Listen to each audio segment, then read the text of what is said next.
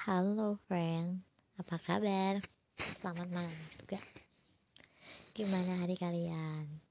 Kalau gue jujur, gue sibuk banget nih hari, sumpah Tapi ya, masih is okay Malam ini yang pengen gue bahas adalah tentang fangirling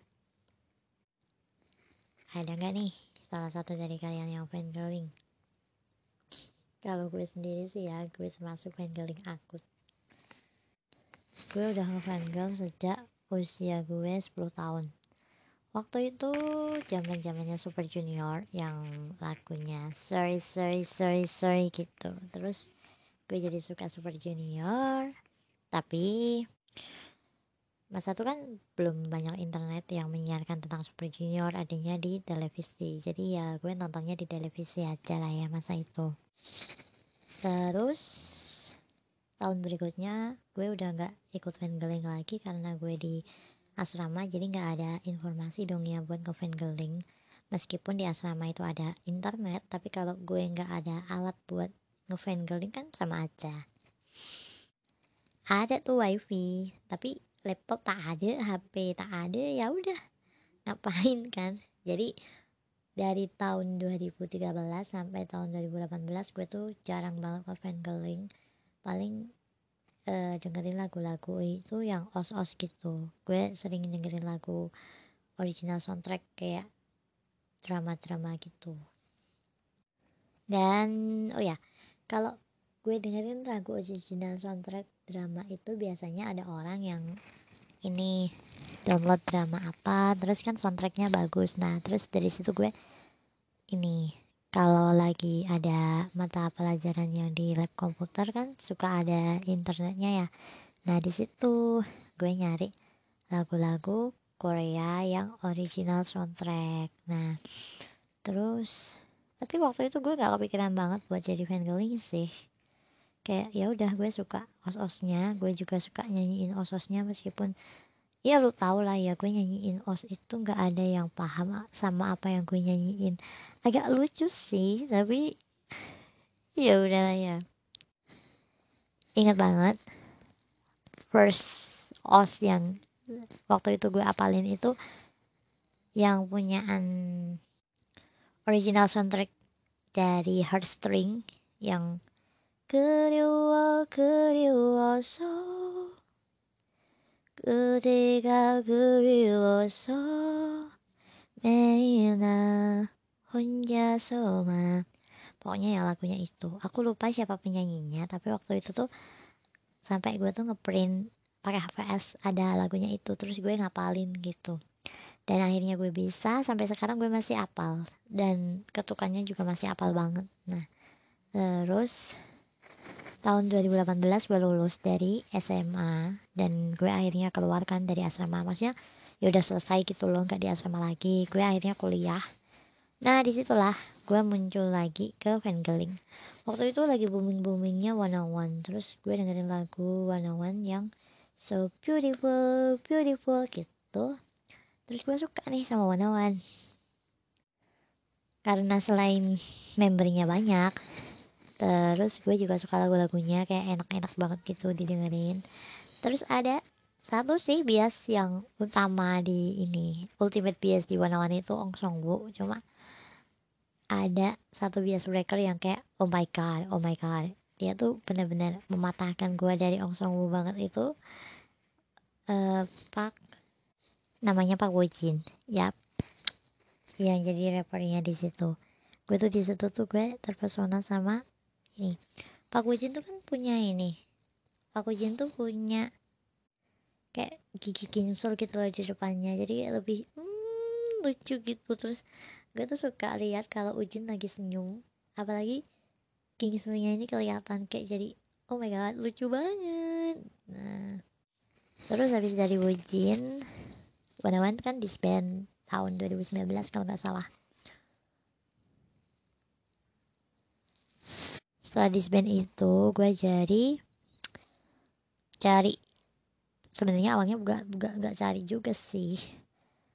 Sebenarnya awalnya cuma ih pengen dengerin lagu lainnya deh. Terus waktu itu kan gue pernah suka EXO itu tahun 2014 gara-gara lagunya yang Hey girl. Eh bukan. 2014 tuh lagunya yang Uridang, uridang, uridang deh, uridang, uridang, uridang deh gitu. Gue inget banget waktu itu tuh uh, di asrama gue kan ada anak SMA sama anak SMP waktu itu 2014 tuh gue lagi SMP terus gue dengerin lagu itu karena ada anak SMA yang dengerin lagu itu. Terus gue nimbrung kan kayak ih enak eh dengerinnya eh gitu. Terus gue suka. Nah bias pertama gue di EXO itu di U orang yang pertama kali gue tahu itu tahu dan orang yang pertama kali gue pahami itu Chris. Tapi bias pertama gue di U. Sebelum akhirnya gue oleng ke Chanyol yap bias breaker banget gak sih? Kalau menurut gue ya terus dari Chanyol itu gue oleng ke sana ke sini sampai pada akhirnya ultimate bias sampai sekarang tuh Chen Gak tau kenapa dia tuh orangnya tuh enak banget kalau didengerin suaranya. Apalagi kalau udah nyanyi os gitu kayak astaga suaranya mang. Ya ampun gak ada tandingannya mak mak gitu. Ya pokoknya ya Chen lah Chen gitu. Sampai sekarang belum ada sih yang matahin gue buat nggak ngebiasin Chen tuh belum ada meski ya gue tahu kalau sekarang dia tuh udah punya anak dia punya istri bahkan sekarang katanya udah mau punya anak dua By the way, selamat ya buat Papa and Mama Kim. Semoga anaknya yang kedua ini lahir dengan sehat, selamat, dan banyak cinta dari kami dan semua orang. Sampai pada akhirnya gue nemu Seventeen, Icon, terus ada BTS, terus ada siapa tuh? NCT, terus ada Treasure, terus ada Stray Kid. Ya pokoknya semakin ke sana ke sini gue jadi suka solois juga pokoknya hal yang menurut gue tuh enak didengerin gitu nggak mandang sih ini harus fandom dari mana atau ini harus agensi dari mana yang penting enak aja ya udah dengerin gitu lalu di tahun 2019 itu gue juga nemu salah satu film. Jadi waktu itu kan gue iseng ya lagi dengerin lagunya EXO. Terus tuh ada tuh uh, kalau misalnya kita buka YouTube kan ada video selanjutnya yang direkomendasikan. Waktu itu yang direkomendasikan itu judulnya cinta cinta berasal dari perubahan gitulah pokoknya. Yang ternyata itu nggak kayak gitu aslinya tuh judulnya Love by Change. Yap. Kayak mm -hmm. yang anak-anak TN tuh pasti tahu deh Love by Change.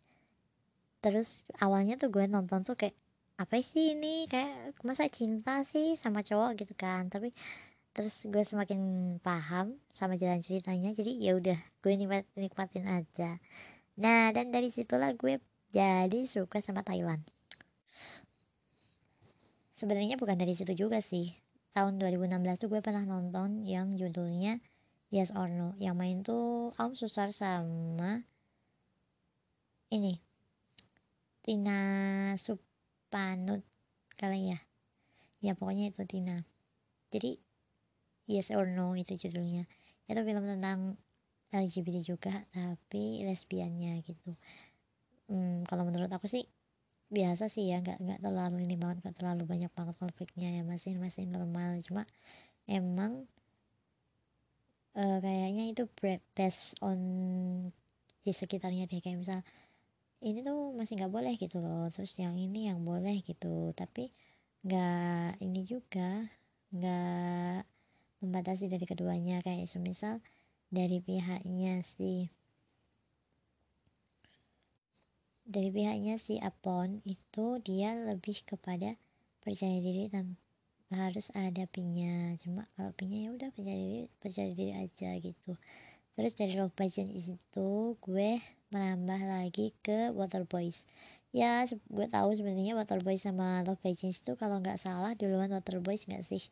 Jadi waktu itu yang main tuh Art sama Nyui aku tuh jah jatuh cinta banget sama Art sama Nyui kayak lucu banget di situ. Terus mereka juga sering tengkar sering ya pokoknya soft soft gitu. Gue nyaman aja liatnya. Terus habis itu kan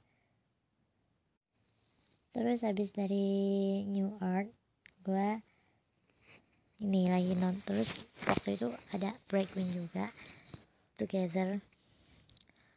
Awalnya gue juga bingung lagi nih kenapa nggak ada afeksi-afeksi yang menunjukkan bahwa dia suka sama si ini? Kesetaraan gender dan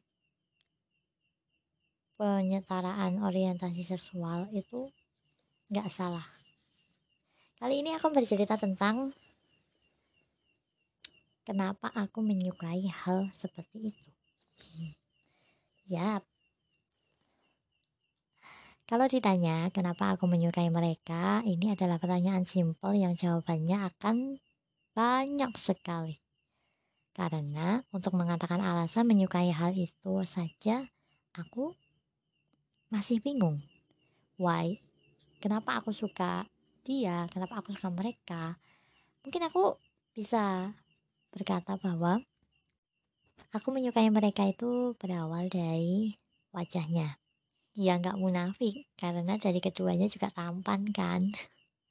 Anyway aku menyukai mereka itu karena series mereka yang berjudul Tale of Thousand Star. Bagi kalian penyuka genre seperti itu silahkan ditonton. Itu bagus. Kadang juga teman-teman suka nanya nih kenapa sih lu suka sama kayak gitu kan banyak juga relationship yang bisa lu tonton gitu kan. Kalau teman-teman nanya kayak gitu ya aku nggak bisa jawab.